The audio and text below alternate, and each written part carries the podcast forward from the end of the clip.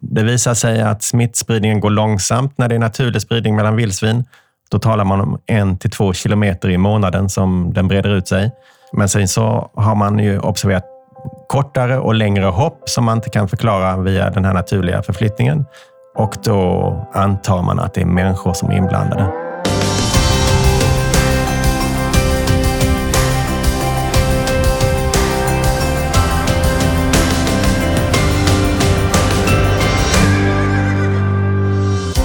De tre bokstäverna ASF har vänt upp och ner på världsmarknaden för griskött.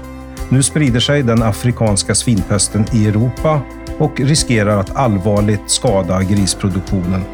Vad händer om eller när Sverige drabbas? Och hur väl rustade står vi för att möta ASF-hotet? Jag heter Göran Berglund. Välkomna till Lantbrukspodden.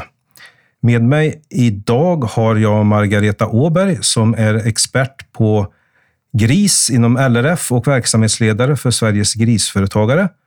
Och Karl Ståhl, statsepisotolog vid Statens veterinärmedicinska anstalt. Välkomna hit. Tack. Tack så mycket. Jag gillar den här klangen av den här titeln, episotolog. Och eh, Betyder det att man är expert på eh, sjukdomar som smittar mellan djur? Det är en väldigt gammal och eh, vacker titel, kan jag hålla med om. Um, epizotier det är egentligen allvarliga smittsamma sjukdomar hos djur. Vissa av de här sjukdomarna kan också i och för sig smitta till människor från djur. Den sjukdomen vi ska prata om idag, den smittar dock endast mellan olika slags grisar. Och eh, ASF är ju alltså en förkortning som Eh, vi säkert kommer använda en del eh, under den här pratstunden. Och, eh, det är som så mycket idag engelska och står för African Swine Fever, alltså afrikansk svinpest. I fransktalande världen och kanske spanska också så ser man förkortningen PPA. Det betyder då samma sjukdom som åsyftas. Och ehm, ja, Vi ska väl först ta och berätta lite grann om vad, vad, vad detta är för sjukdom. Att den kommer från Afrika, det tror jag de flesta har klart för sig när man hör namnet. Men eh, Karl, du får eh, ge oss lite bakgrund vad, vad, vad det här handlar om egentligen. Ja, ehm, det är alltså en sjukdom som orsakas av ett virus, afrikansk svinpestvirus. Um, ursprungligen ett virus som fanns hos vårtsvin och fästingar i östra och södra Afrika. Den sjukdomen beskrevs första gången 1921 och det berodde väl på att kolonisatörer hade tagit mer och mer grisar till eh, östra och södra Afrika. Och när de här grisarna kom i kontakt med fästingarna som bar på viruset, då spreds det en sjukdom som såg, såg ut som svinpest som man kände till i Europa sedan tidigare, som eh, nu för tiden heter klassisk svinpest. Som man trodde initialt att det var samma sjukdom. Och den här sjukdomen eh, gav hög dödlighet hos grisar ehm, och ger fortfarande hög dödlighet hos grisar och ger feber, blödningar och ställer till väldigt mycket problem. Hur, ja, hur snabbt går det från eh, smittotillfället till insjuknandet och eh, döden då, som det väl i princip nästan alltid leder till? Ja, det, det kan skilja lite för att eh, olika virus av afrikansk svinpestvirus har olika sjukdomsframkallande förmåga, men man brukar säga 5 till 14 dagar. Och i, i typfallet så ger det, som, precis som du säger, väldigt hög dödlighet. Och det kan gå jättesnabbt, så ibland så ser man inga symptom, utan man hittar bara en, en död gris. Och så ser man vissa yttre tecken på, på grisen också, att den har ja, det, drabbats. Det finns typiska tecken, om, i alla fall om man har ljusa grisar. Och, att, och det är att de får missfärgningar i huden, blåa, röda missfärgningar och det är blödningar under huden. Och De kan vara på öronen och de kan vara under magen, um, armveck. Men har man en mörkfärgad gris så ser man ingenting. På ett vildsvin som ju också drabbas av den här sjukdomen, då ser man inte heller någonting utifrån. Och Sen är det så då att det finns inget vaccin mot afrikansk svinpest. Det hade ju varit eh, behagligt för, för tamgrisägarna i alla fall om det hade funnits ett sånt att tillgå. varför finns det inget vaccin? Sjukdomen har ju funnits i nära på hundra år då, som vi har känt till den.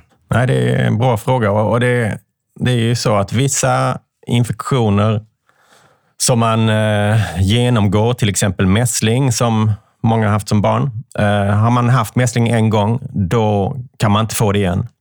Man, man, kroppen ger upphov till ett eh, bra immunsvar. Och den typen av sjukdomar, då kan man ofta reproducera den här infektionen genom en vaccination. Man kan göra vaccin som är effektiva. För afrikansk svinpest så får man ingen bra immunitet efter en naturlig infektion. Eh, viruset har en motståndskraft mot kroppens försvarsmekanismer. Och Det har gjort att det har varit svårt att, att eh, producera effektiva och säkra vaccin. Man har haft vaccin, man har använt vaccin i, i Spanien på 60-70-talet, Spanien och Portugal.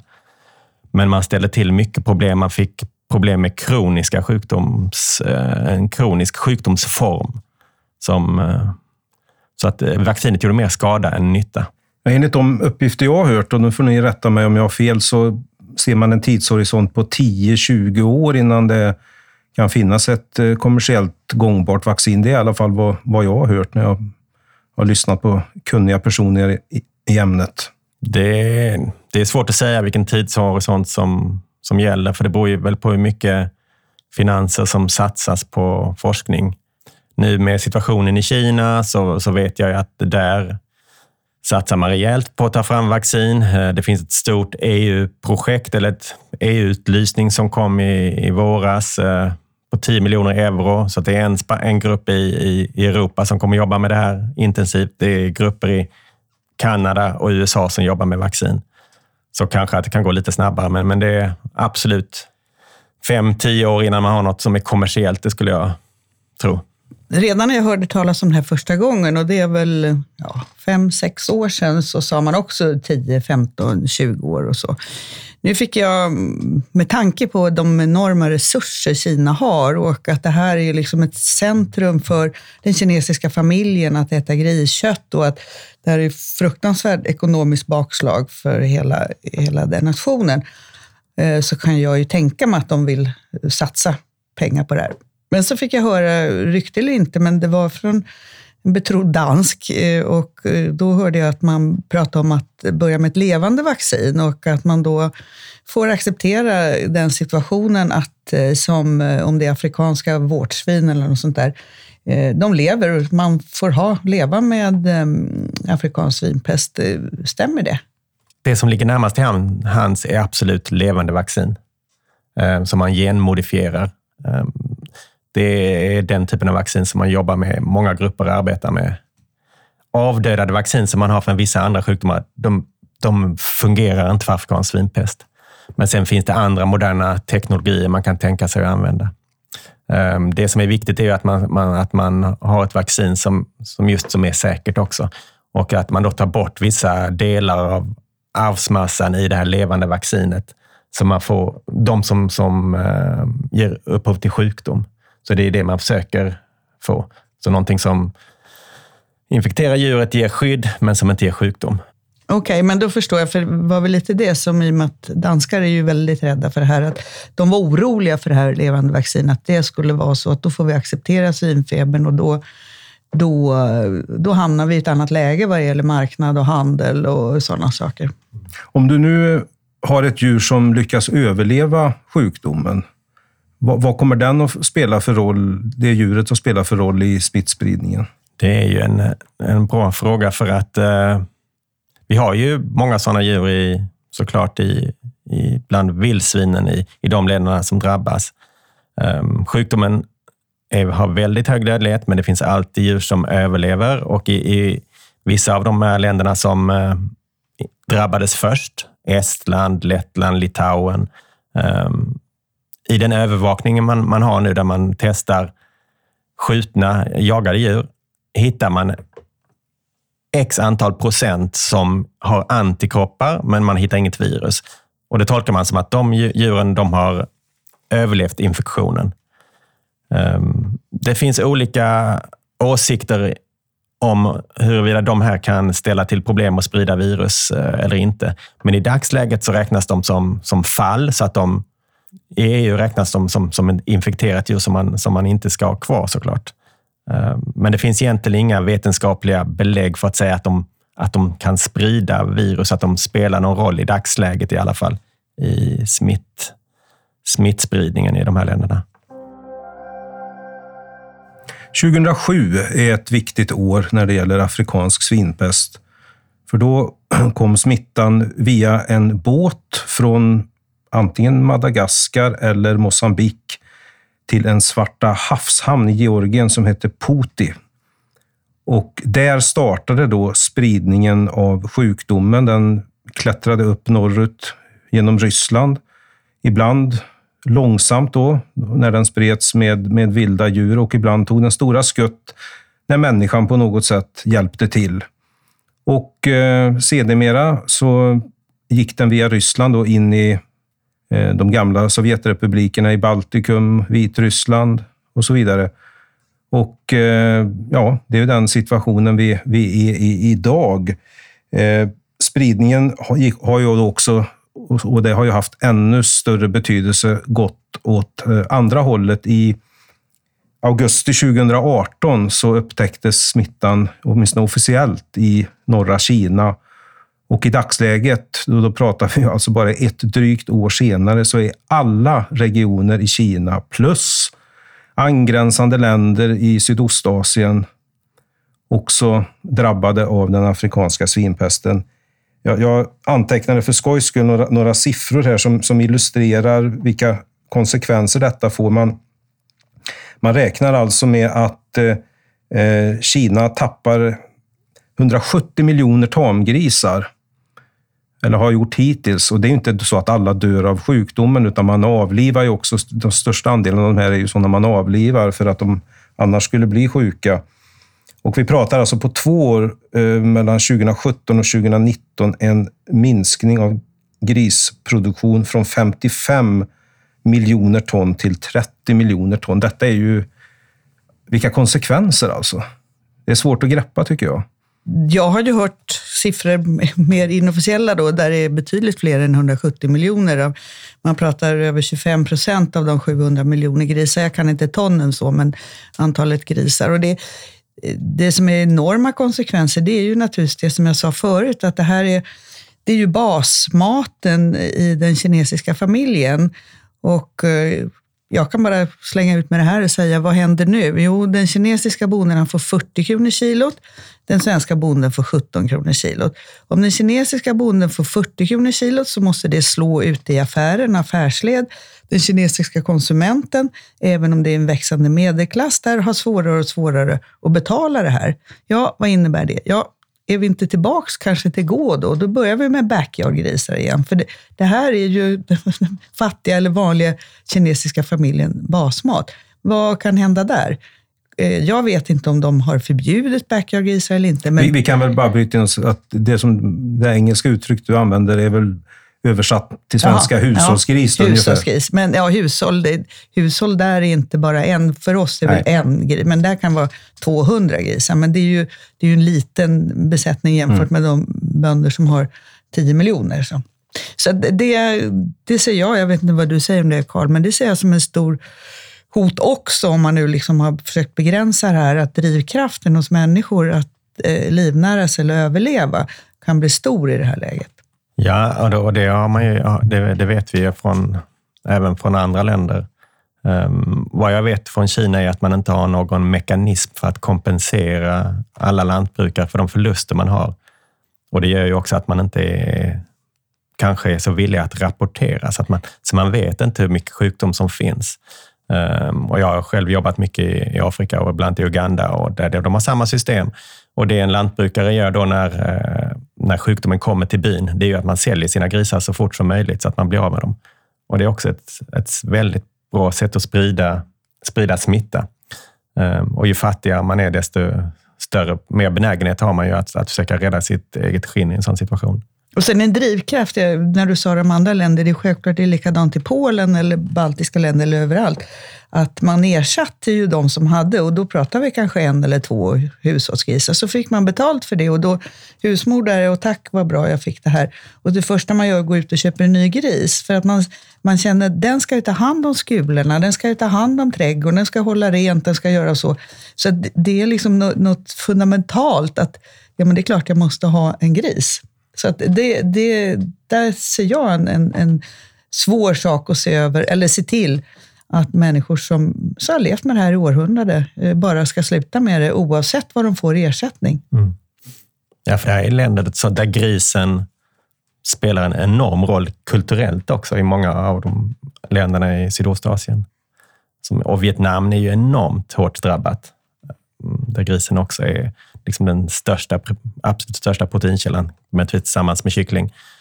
Um, och ett annat land som vi inte vet någonting om är ju Nordkorea, um, som har rapporterat ett fall, men där det hela tiden kommer rapporter om hur um, infekterade vildsvin kommer in över gränsen från Nordkorea in till Sydkorea via den här demilitariserade zonen. Um, vilket tyder på att det finns mycket smitta i, i Nordkorea. Och i Nordkorea finns ju redan en stor brist på, på, på mat och på livsmedel. Och vad jag förstår så är, är fläskkött en jätteviktig proteinkälla för dem. Mm. Men allt talar ju för att Kina underrapporterar också eh, det är bara att titta på kartan, eh, de här prickarna som är officiellt registrerade och jämföra med till exempel Vietnam och Kambodja som har otroligt tätt med prickar, medan det är betydligt glesare i Kina, trots att, att det hela eh, så att säga, startade i, i Kina när det gäller Sydostasien. Så att allt talar ju för att eh, Kina underrapporterar och eh, därav då så blir det väldigt mycket skattningar. Man kan se olika siffror florera eh, kring hur hårt drabbad den kinesiska grissektorn är. Och det får vi väl leva med med tanke på att Kina är det land det är. Va? Eh, jag tänkte vi skulle flytta oss över lite i Europa också. Vi, vi nämnde ju de här eh, forna Sovjetrepublikerna då, i Baltikum. Eh, och sen har den då tagit sig vidare i Polen. Den har varit i Tjeckien. De lyckades stoppa det. Vi kanske kommer att komma in lite på hur de uh, gick tillväga. Men sen då så har vi också Rumänien och Bulgarien som är, eh, framförallt Rumänien, väldigt hårt drabbat land för tillfället. Ehm, hur, hur, har, hur, hur har smittan burits fram nu till så här långt eh, in i Europa som den är idag? Ehm, ja, den dök upp i januari och februari 2014 eh, i Polen och Litauen och det var enstaka fall hos vildsvin båda gångerna som hittades väldigt nära gränsen till Vitryssland. Ehm, så tanken är ju att, att den smittan kom från, från just Vitryssland. Ehm, sen har den spridit sig successivt. Eh, det visar sig att smittspridningen går långsamt när det är naturlig spridning mellan vildsvin. Då talar man om en till två kilometer i månaden som den breder ut sig. Men sen så har man ju observerat kortare och längre hopp som man inte kan förklara via den här naturliga förflyttningen. Och då antar man att det är människor som är inblandade. Ehm, det första lite längre hoppet var egentligen den dök upp i Tjeckien 2017 och det var ett hopp på 40 mil från närmst tidigare rapporterade fall. Ehm, men sedan hoppade den ju till Belgien 2018 ehm, och nu det senaste som hände var ett utbrott i västra Polen, ett hopp på 30 mil. Så många sådana här hopp har man observerat. Så absolut är det så att människor är en viktig orsak till att den här sjukdomen har lyckats sprida sig. Det var ju såklart via människor som den kom till yogin också första gången. När du säger människor, eh, jag vet inte om det är sant, men jag har hört i alla fall att eh, det är ju, vi pratar ju om kött och restprodukter eller blodsmittor och så vidare, men jag har hört skräckhistorier också om, om jägare och framförallt i Belgien sa de att de, deras population började bli inavlad, så de åkte och hämtade ett lass med vildsvin i, eh, i Polen eller var det nu var någonstans. Eh, vad tror du om det?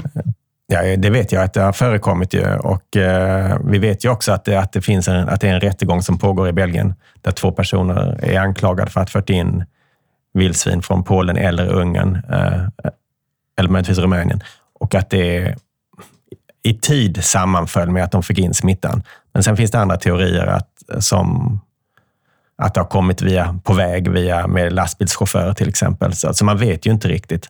Men absolut är det så att, att människor har flyttat levande vildsvin. Och, och det, man kan ju titta på den svenska kartan och se hur vildsvinsdistributionen eh, i Sverige ser ut. Och då ser man att det finns öar som man inte kan förklara på annat sätt än att någon människa har släppt ut vildsvin här i vissa delar av Sverige. Så att det, det förekommer och har förekommit eh, länge. Om vi ska sticka emellan med några siffror här då, så fanns 300 rapporterade utbrott i eh, EU, tror jag det är, 2014. Det var siffror som du presenterade på Grisföretagardagen, Karl. Och eh, hittills i år då 7200. Då får man ju ett litet begrepp om hur, hur den afrikanska svinpesten har erövrat då, inom citationstecken i Europa.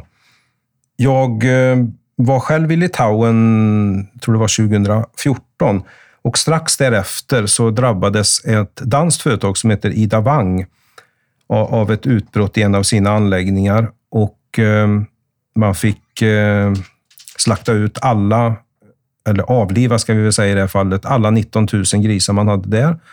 Och danskarna blev ju inte kloka på hur hade det gått till för att de tyckte att de hade en hög biosäkerhet på alla möjliga vis. De hade om, hela anläggningen omgärdad av staket.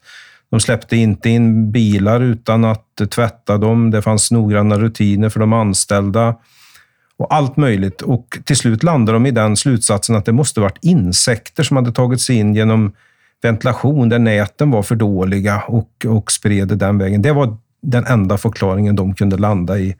Och då inser man ju lite grann, om det är sant, hur svårt det är att eh, skydda sig. Mm. Det där med insekter är ju, en, det är ju som sagt en, en teori. Ehm, man vet från eh, gamla studier och också modernare studier att vissa typer av bitande flugor, ja, som en stallfluga, ehm, som biter ett djur, infekterat djur, den kan sprida smittan åtminstone ett par hundra meter. Ehm, den är inte en... Man, man, vanliga fall när man talar om eh, smittor som sprids med insekter, då talar man om biologiska vektorer som kan sprida smitta över långa distanser. Det handlar det inte här om, utan det här är någonting rent mekaniskt, att man har lite blod på mundelarna och så sprider man det på, över ett kort avstånd. Ehm, det är väldigt svårt att visa att det här faktiskt var orsaken till, eh, till de här utbrotten, men det är en, det är en teori bland, bland, bland flera. Mm.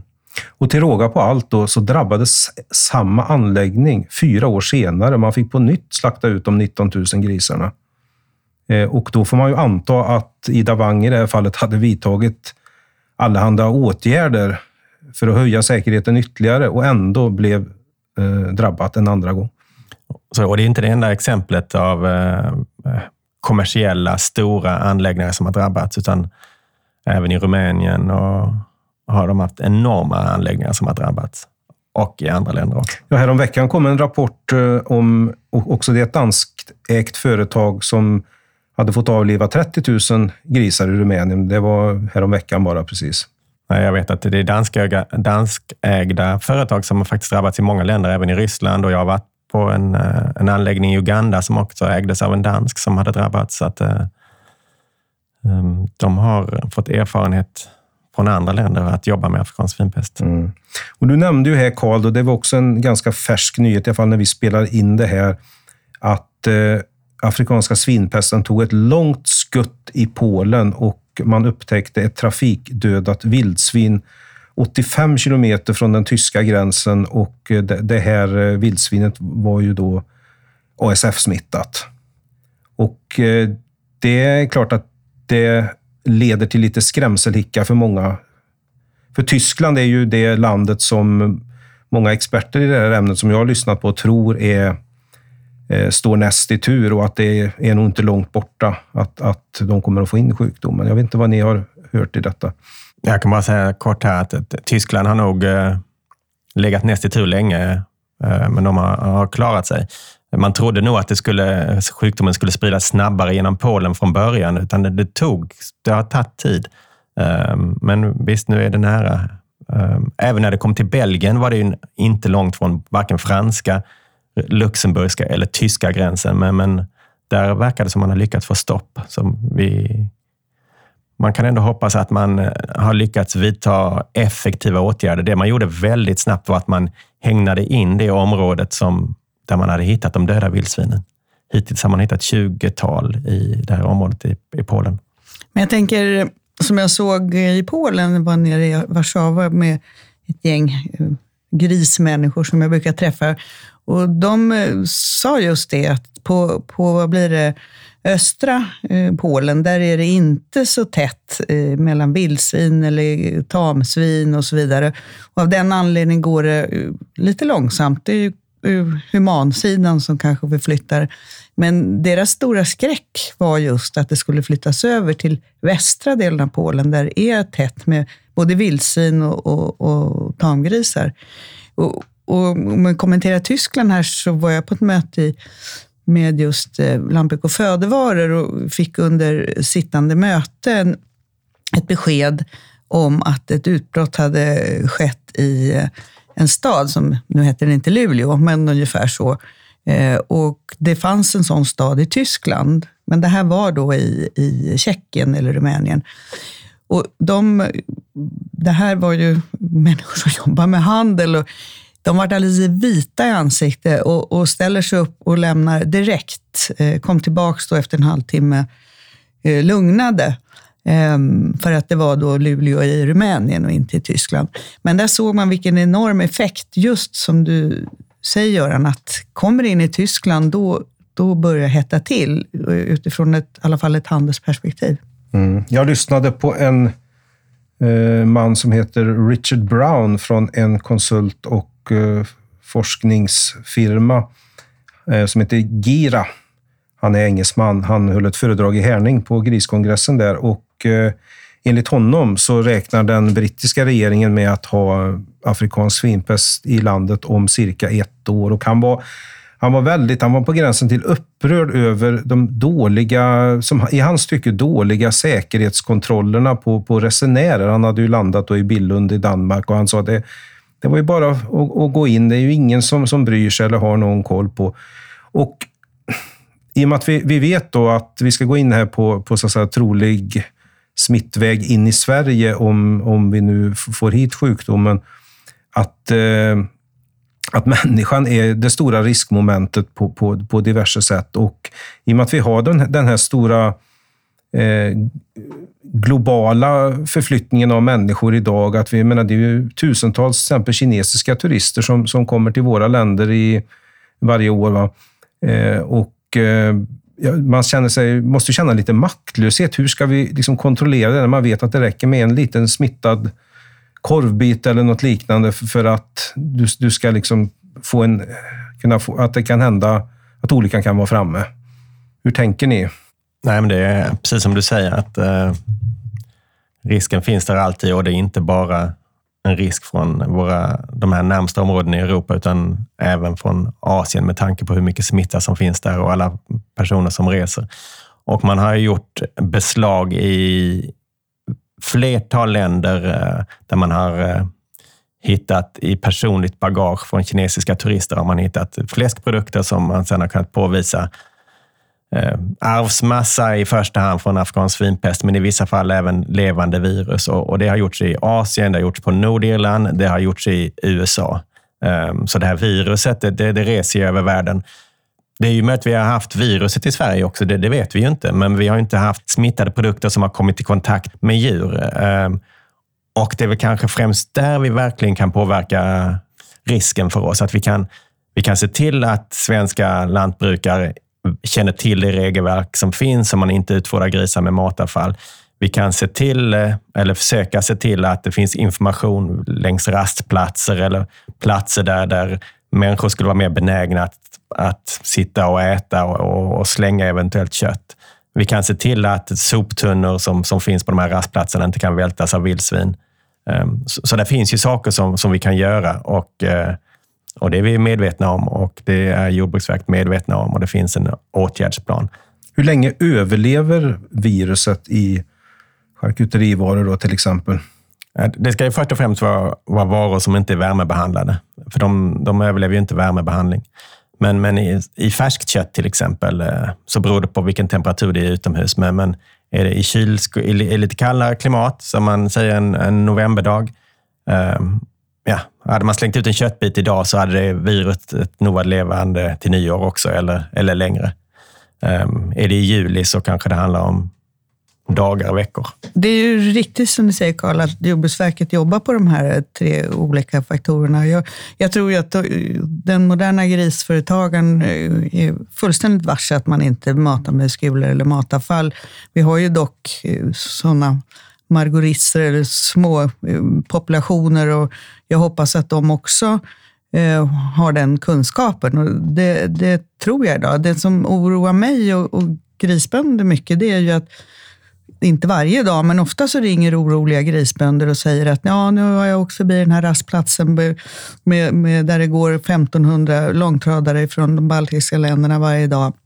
Och där ligger soptunnor och det ligger skräp och det ligger eh, Ehm, man har kontaktat Vägverket och Trafikverket och säger att ja, det går inte eh, vi kan inte ha större containrar för, det, för då slänger folk möbler. Och, och jag har ju sett nere i Frankrike man har sån här, när man, man pantar flaskor, man slänger hål i. Så där kan vi nog accelerera säkerheten genom att eh, hjälpas åt och, och, få Trafikverket, eller vilka nu som har hand om Jordbruksverket, att, att verkligen se till det här. För då, de svenska grisbönderna är riktigt oroliga. Ja, och det är ju åtgärder som faktiskt ändå är ganska så enkla. Det går och, de går att genomföra ganska så snabbt. Så det håller jag helt med om. För något år sedan här så började man sätta upp eh, informationsskyltar på de stora rastplatserna, åtminstone i södra Sverige. Och eh, de är då skrivna på, tror det är sex olika språk, varav flera östeuropeiska. Jag vet att du, Karl, hade lite synpunkter på utformningen av de här skyltarna. Jag tycker de är, de är väldigt små och de har väldigt mycket text och de har ingenting som drar åt sig eh, uppmärksamheten. Ehm, och jag har själv varit ute på många rastplatser och letat efter dem och knappt hittat dem. Så att eh, då tror jag inte andra människor hittar dem heller. Men jag vet att det, det är på väg bättre skyltar, större och eh, förhoppningsvis med mer bilder. För det krävs någonting som drar åt sig ögonen. Det tror jag är viktigt, för jag sett, danskarna är ju, de är ju nästan har paranoia för det här. Alltså de är ju otroligt eh, före, och de, eller eh, jobbar på det här. Och de gör just att de lägger ut filmer hela tiden, eller bilder. Och det förstår folk. Språk kan man inte alltid kanske förstå, men bilder och, och filmer, det har man mm, sett är, mm. är framgångsrikt. Ja, för vi har väl lite grovt skissat då ett antal riskgrupper just när det gäller människor som kan föra in smittan. Vi pratade om de här eh, asiatiska resenärerna är väl i första hand då, som, som kan komma med, med, ta med sig smittat kött. Men sen har vi då folk som reser i Europa av olika anledningar från länder i, i Östeuropa som har smittan. De kan ju vara de kan ju naturligtvis vara turister, men de kan vara lastbilschaufförer, de kan vara gästarbetare, till och med inom, inom lantbruket. Och eh, de har ju ekonomiskt inte så bra i regel, utan de, de tar med sig mat för att spara pengar. De har inte råd att gå på några, några restauranger och så vidare, utan de, de käkar eh, kanske på rastplatser till exempel. Då, och, eh, och, och det är väl där man ser den här den stora risken att, att det ska slängas. Och jag, jag vet inte om ni såg, det var en bild som cirkulerat på sociala medier, hur eh, nu är jag då lite fördomsfull, men jag tillåter mig att vara det. Men jag, jag tror att det säkert kan ha varit thailändska kvinnor som eh, hade varit ute och plockat svamp. Och för att tacka gudarna för eh, den svampen som de hade hittat så, så offrade de, eller la kvar, mat ute i skogen. Och tände något ljus också, tror jag till, till och med. Va? Och, ja, det, är, det är en vacker tradition, men, men säg då att av någon anledning att, att, de, att, de, att det skulle vara kött som man har fått från, från hemlandet, att, att det kanske inte kommer att sluta så lyckat. Och det är jättesvårt att, så att säga, nå fram med information kring sån här sjukdom. För, för många är inte detta någon stor sak. Ja, men när de får veta på att men det här är inget som drabbar människor. Ja, inte så viktigt, eller?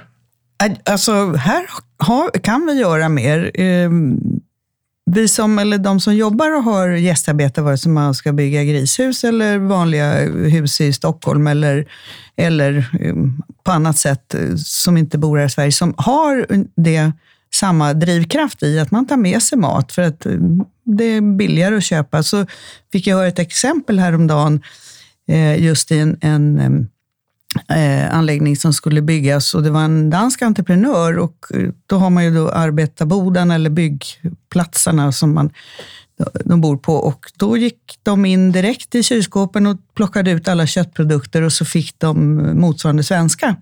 Det här kanske även stora byggbolag i, i Stockholm eller vad som helst också ska tänka på att det är klart att man inte man måste ju se till att det ersätts då med någonting, men, men det, där kan vi göra mer tror jag.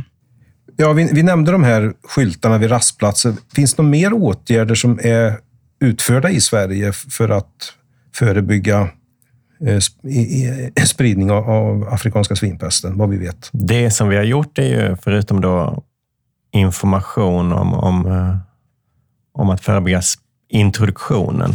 Den andra som kan förebygga spridningen är att man hittar det, om man får in det, att man hittar det snabbt. Och, och det försöker vi jobba med mycket och, och vi tror att om det kommer in så kommer det först till vildsvin. Så att för att vi ska kunna upptäcka en introduktion, då måste vi kunna upptäcka en ökad dödlighet bland vildsvin och då behöver vi hjälp av alla som rör sig i, i skog och mark. Och först och främst har vi riktat oss mot jägare, men det finns ju väldigt mycket andra människor som rör sig i skogen också. Hittar man vildsvin i skogen, då ska det rapporteras och eh, man kan ringa till oss på SVA och vi har också en, en app man kan använda sig av som heter rapporteravilt.sva.se som man kan hämta på vår hemsida, eller det är egentligen vår hemsida. Ehm, och, så det är någonting som är jätte, jätteviktigt. Men du vet att du har sagt här tidigare att eh, det är inte så många som skickar in sådana här prover från vildsvin. Att, att eh, ni hittills under 2019 har fått in 31 stycken mm. prover från, från döda vildsvin och varav inga frågetecken från Skåne där det trots allt finns otroligt mycket vildsvin. Nej, vi har fått väldigt få från Skåne under de senaste åren. Man ska veta att vildsvin, eh, när de är sjuka, så går de och gömmer sig. Så att det är inte så lätt att hitta döda vildsvin. Ehm, så det är ju en förklaring. Men samtidigt så visar sig erfarenheterna från de här länderna som har drabbats att när de väl går ut och tittar för att de vet att de har smittan, då hittar de ändå väldigt mycket vildsvin som inte är infekterade också. Så att de döda vildsvinen finns där. Ehm, det gäller att ha ögonen öppna och det gäller sen också att veta att man, att man med, utan eh, att göra något jättejobb kan eh, hjälpa till. Det, det räcker att, att ringa eller bara knappa in informationen i sin telefon och så ringer SVA upp personen och hjälper till att eh, se till att eventuellt provmaterial kan skickas in. 1996 beräknade man att det i Sverige fanns cirka 5 000 vildsvin. Nu, de senaste beräkningarna, så är vi uppe i 300 000 vildsvin. Och ändå skjuts det eh, ja, minst 100 000 per år. Vad spelar vildsvinstammen då för, för roll i det här eh, scenariot för Sveriges del? Ja, det är en, en fråga som eh, Jordbruksverket också fick tillsammans med SVA och Naturvårdsverket eh, från regeringen. Att vi skulle titta på betydelsen av vildsvinsstammens storlek för risken för introduktion och för spridning. Och eh, när det gäller risken att vi ska få in smittan, då är inte, finns det inte något enkelt samband med vildsvinsstammens storlek. I alla fall inte inom, om man tänker sig att man ska kunna sänka stammens storlek till inom rimliga gränser, så kommer vi inte kunna påverka den risken. Precis som, som du säger Göran, så, så, så jagar man ju väldigt mycket vildsvin redan idag. Man skjuter en tredjedel varje år och ändå ökar den. Man måste upp över 65 procent av vildsvinen för att man ska trycka ner stammen, sägs det.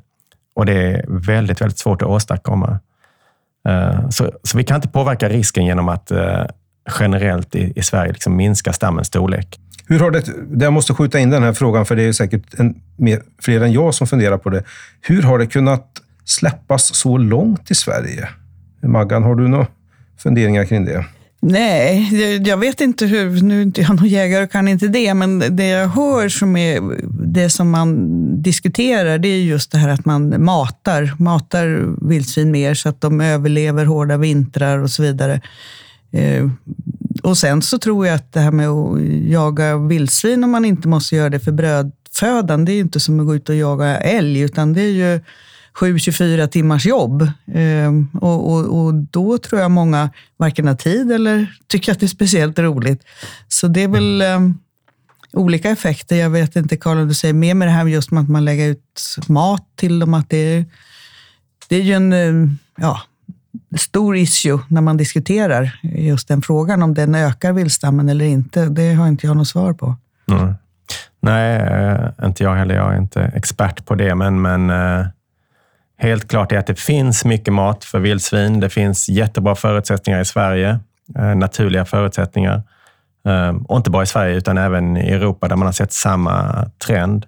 En sak som man alltid pekar på i andra länder det är att man odlar mer och mer majs. Ehm, det tror jag är en jätteviktig anledning, kanske också i Sverige. Ehm, och sen såklart att eh, i alla fall i början så var det nog många som var, tyckte det var kul med något nytt vilt. Så då, då, då stimulerar man nog det här. Ehm, I dagsläget så tror jag inte man, man gör det. utan De jägarna jag talar med um, i mitt jobb, där är många som upplever att, att det lokalt finns alldeles för mycket vildsvin också. Ja, jag kan bara lägga in det också det har inte med ASF, att göra kanske, men det, det, här är ju en stor fråga för Sveriges markägare och lantbrukare. Det, man ger ju upp många gånger i olika områden att ha kor eller odla och så vidare just för att eh, de är för många. I den rapport, eh, Karl, som du var med och, och skriva och som kom här tidigare under hösten, så, så är ni inne på att eh, man behöver öka avskjutningen och att man kanske speciellt ska öka avskjutningen i vad som kallas för särskilt känsliga områden. Vad är särskilt känsliga områden egentligen då? Mm. Ja, och, då talar vi, då ska man veta att den rapporten handlar bara om afrikansk svinpest. Mm. Sen kan det finnas massa andra orsaker till att man ska minska stammens storlek som inte direkt har med afrikansk svinpest att göra. Som kan vara trafikolyckor eller markskador. Eh, men när vi talar om särskilt känsliga områden, kanske en dum formulering. Vi tänker oss områden där risken för introduktion kanske är större, risken för etablering är större, men också där konsekvenserna är stora. Så områden där det finns mycket grisbesättningar till exempel och kanske särskilt i områden där det finns eh, särskilt viktiga grisanläggningar. Ja, ja. Eh, men det kan ha så det handlar om, om, om vildsvinsstammens täthet lokalt, om hur mycket vild, tamgris det finns. Eh, risken för introduktion har att göra med hur mycket vägar som finns, hur mycket folk som rör sig från... Eh, ja, det kan vara stora vägar, det kan vara hamnar. Eh, så att det är någonting vi, ta, vi tar upp i rapporten och, och vi vill ha ett uppdrag att titta på det här specifikt och titta vilka skulle de områdena kunna vara. Det som är ett stort intresse då från lantbrukare, vi har ju diskuterat det förut, det är just kring att vi har två seminstationer i, i Sverige och, och huruvida då i sådana fall att allting stannar upp eller man lägger en våt filt över eh, att få ut sperma till gårdarna. Man pratar också om, vi har inte så många slakterier om man jämför med många andra eh, länder. Vad händer om det, ja, man hittar det här i närheten av Kristianstadsslakteriet och så vidare. Det, det, är frågor som rullar ute hos, i, i lantbruket. Vi kommer ju kunna fortsätta att sälja semin även om vi får in eh, inom landet, om vi får in afghansk svinpest på vildsvin. Så det kommer kunna fortgå i alla fall. Om man tittar på vägarna in i grisstallet, om du nu har smittade vildsvin utanför, vilka är de? Det är också en en av de svåra frågorna som man... Eh, när man tittar på vad som har skett i, i Europa så kan man konstatera att det är enormt få fall där man kan säga hur smittan tog sig in i en besättning. Direkta kontakter är inte så vanligt. Det är klart att det, det kan man ju tänka sig en, en infekterad galt som eh, vill betäcka eh, en sugga till exempel eh, på en kravbesättning där de går ute. Den typen av smittväg eh, finns inte riktigt dokumenterad. Jag tror så här att, att eh, det krävs en ganska så kontaminerad eh, miljö för att risken ska vara stor. Så det, till exempel i, i Polen och Baltikum där man har haft smittan i många år, där är miljön i vissa områden väldigt kontaminerad. Så då kan egentligen vilken typ av indirekt kontakt som helst leda till, till, smitt, till smitta. Vad skulle det kunna vara? Ja, men på de där lite mindre besättningarna, då talar man ju mycket om att man använder lokalt skördad hö och halm som inte har torkat innan och att man får in smittan den vägen. Men det kan ju också vara att man är ute i, i, i naturen och vad man nu gör i naturen och sen använder samma stövlar när man går in i sin, i sin besättning. Men där vill jag ändå säga, det har vi också pratat om tidigare, att vi, Sverige är enda land i världen egentligen som har ett krav på att vi ska strö med någonting som man kan tugga och svälja och så vidare. Och där har vi ju valt i, i Sverige halm av, av de skälen. Eh, jag vet att oroliga bönder ringer nu när de höll på tröska eller eh, tog in halmen så springer ett gäng på 40 vildsvin över stubbåkern när man eh, tar in halmen. Eh, vi har också system, jag vill inte påstå att vi någonstans är backyard-uppfödare i, i Sverige, utan vi har ju stora fina anläggningar. Men vi har öppna system. Vi har våra lösgående suggor där ofta, och det kan man ju förhindra genom att stängsla eller sätta på elstängsel, där har man noskontakt med yttervärlden.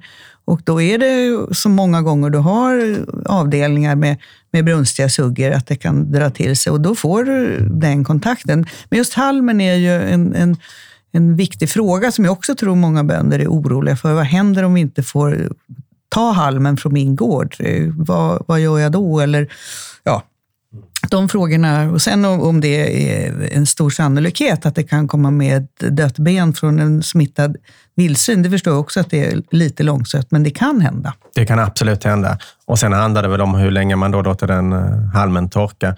Men jag skulle kunna tänka sig att får man in smittan i ett område, då kanske man har det som en... Eh, liksom man, man förbjuder användning, lokal användning av halm. Att mm. man får ta halm från ett annat område. Förhoppningsvis skulle ett sånt här infekterat område inte vara så väldigt stort, men naturligtvis skulle det ställa till problem. Vi var inne lite på Tjeckien tidigare och eh, hur att eh, där lyckades man då göra sig kvitt sjukdomen genom att man hägnade in och eh, lät vildsvin självdö samtidigt som, som man bedrev en del jakt. E-, är det så vi skulle göra i Sverige också om vi fick smitta hos vildsvin på något, något ställe i landet? Vi skulle nog använda oss av någon typ av liknande modell. Ehm, det man gör i Belgien ser lite annorlunda ut, men det är samma princip. Så det handlar om att man försöker definiera ett område som är infekterat. Det är ett område där man har hittat sina kadaver. Det området plus en, ett område runt omkring som en buffert. Där vill man att vildsvinen ska ha det så bra som möjligt. Ehm, de ska inte vilja sticka därifrån. Man förbjuder jakt, man förbjuder i Belgien har man förbjudit allt tillträde till det här området. Och samtidigt som man har en, en övervakning så att man försöker hitta kadaver så snabbt som möjligt för att i kadaverna finns viruset kvar. Och runt det här området, och, och sen kan man hjälpa till då med, med stängsel för att eh, strategiskt utplacerade stängsel för att ytterligare minska risken att, att vildsvinen ska ta sig ut från det här området. Och så runt omkring så skapar man en zon som man försöker tömma på vildsvin. Så att där har man en intensiv jakt i området runt omkring.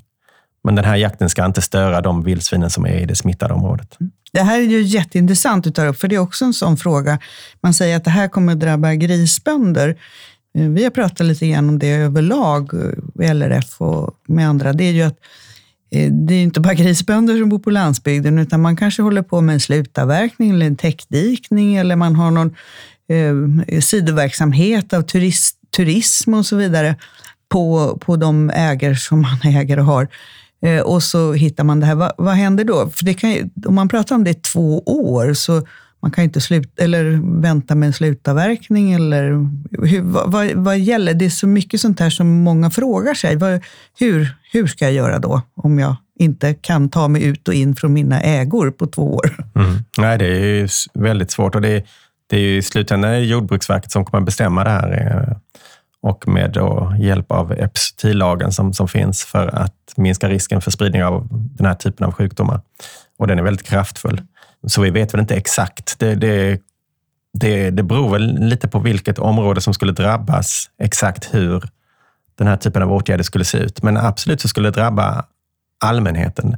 Det kan handla om en sån enkel sak som svampplockning och bärplockning och um, hundtävlingar, hästtävlingar, jakt såklart. Uh, men, men Belgien har det ju varit problem med att, att i, i det här området i Ardennerna så hade de problem med sjukdomar på, på skog. Så att där blev det en konflikt mellan att stoppa smittspridning bland, i skogen och stoppa smittspridning bland djuren. Och det kan också bli samma sak i Sverige. När det gäller ekonomisk kompensation för, jag tänker då på tamgrisuppfödare, om någon skulle bli drabbad. Vi vet ju att om du får in salmonella till exempel så har du ju rätt till, till statlig ersättning. Finns det mm, bestämt hur eh, staten förfar i, när det gäller afrikansk svinpest? Det finns bestämt hur, hur det går till, ja. Och då är det kompensation då? Då är det kompensation, ja. Och det är då Jordbruksverket som återigen som avgör. Men, men det är bestämt i lagstiftningen hur de nivåerna ser ut. Maggan, du som ändå är närmast grisnäringen av oss tre. Hur, hur är beredskapen bland de svenska grisuppfödarna, skulle du säga? Ja, beredskap eh, vet jag inte om det finns. Det finns en, en ganska stor oro. Eh, och jag tror att vi svenska grisbönder kan göra mer utifrån en biosäkerhet. Det var i Finland till exempel, som är ett mindre grisland än vi, de lever i och för sig kanske närmare smittan än vad vi gör. Men eh, där fick vi gå ur, ur, en buss och då fick vi ta av oss i, nästan barfota eller strumplästen, gå på en, en plastduk som var utanför bussen, sätta på oss eh, stallets egna skor och så duschar man in och duschar ut. På det viset så, så kanske vi lite grann eh, är vana vid, eh, eller vana vid, vi har vant oss vid att vi inte har de här eh, farliga smittorna. Vi har förvisso fått in PRS och vi noggranna med, eh, att vi, med kläder och så vidare. Men vi kanske kan trigga upp eh, den nivån lite grann mer hos eh, våra svenska grisbönder, eller ja, alla egentligen. Jag menar, vi kan ju inte som man kan i Spanien eller som jag såg från Estland, då, då hänger de ju in anläggningen, men de flesta av våra gårdar ligger ju i en, en gårdsidyll, eller jag på säga. Det ligger ihop med, med boningshus och äppelträdgården och eh, barn som åker till och från skolan. Det är inte så lätt att göra ett Fort Knox utav de svenska gårdarna. Men vi kan nog göra mer utifrån hur vi passerar in och ut i, i stallarna. Och inte minst det vi pratade om förut, att när vi har öppna system, att se till att det finns elstängsel eller andra stängsel så det inte kommer djur eller människor som, som bär på smittan nära våra tamsvin. Det finns ju ändå en del, del moderna, större stallar som är byggda på andra platser än där eh, själva gården och bostäderna ligger. De vore väl då lämpliga att stängsla in i så fall? Absolut, men det här är ju inte heller... Till de här gårdarna det kommer slaktbilar, det kommer foderbilar, det kommer veterinärer och jag såg en siffra nu på när du ska åka över gränsen mellan Tyskland och, och Danmark med de här stora långtradarna som ska duschas och testas. Det är ju mer än vad som kommer till en gård. Men det var en kostnad på 18 miljoner, om det var euro eller kronor, kommer jag inte ihåg. Men det är enorma eh, kostnader för att eh, hålla ett sådant system och jag vet inte hur säkert det är heller. Eh, men det, även om du, om du bygger utanför bostaden eller bostadsområdet så, så eh, är det mycket trafik till och från stallarna hela dagarna. Avslutningsvis, om jag säger Gyllenborste, vad kan ni berätta då? Det låter som någon gammal militär. Ja, nej, det är ju en, en, om det är en gris eller ett vildsvin från den uh, isländska mytologin, vad jag förstår. Men det är också en övning som kommer att hållas i december som Jordbruksverket ordnar och som är en så kallad seminarieövning där man har ett scenario där afrikansk svinpest kommer in i Sverige och så ska de eh, myndigheter, organisationer och näring sitta tillsammans och diskutera hur man skulle agera och vilka problemställningar som, som uppkommer och hur man ska kommunicera kring den här händelsen. Eh, jag tror det är någonting som är väldigt välkommet och som kommer göra jättestor nytta. Och det kommer nog öppna ögon. Vi vet ju redan idag att det, här, att det skulle ställa till väldigt mycket problem om vi får in det, men Jag tror efter den här övningen så kommer vi förstå ännu mer hur stort det skulle vara. Ehm, vi på SVA vi har, vi har gjort scenariet, så att jag, jag vet precis. Mm. Det blir jättespännande. Och med LRF och Sveriges Grisföretag, vi har ju, just att vi inte vet riktigt och vi har aldrig varit med om det här, så, så känns det, det känns ett steg emot att vi kan känna oss lite tryggare eller veta lite mer, vara förberedda om förhoppningsvis aldrig det händer. Men mm. det är jättebra. När ni lyssnar på den här podden så kommer eh, Gyllenborste att vara avklarad. Eh, den har alltså ägt rum i början av december. Jag tror vi rundar av här och jag skulle vilja tacka Karl Ståhl från SVA och eh, Margareta Åberg eh, från LRF för att ni har velat gästa Lantbrukspodden. Tack så mycket. Tack så mycket. Och till er som har lyssnat så säger jag så här att vi tar tacksamt emot synpunkter, kritik, tips på andra ämnen och personer som ni vill höra i den här podden. Och ni kan skicka e-post till lantbrukspodden snabela landlantbruk.se.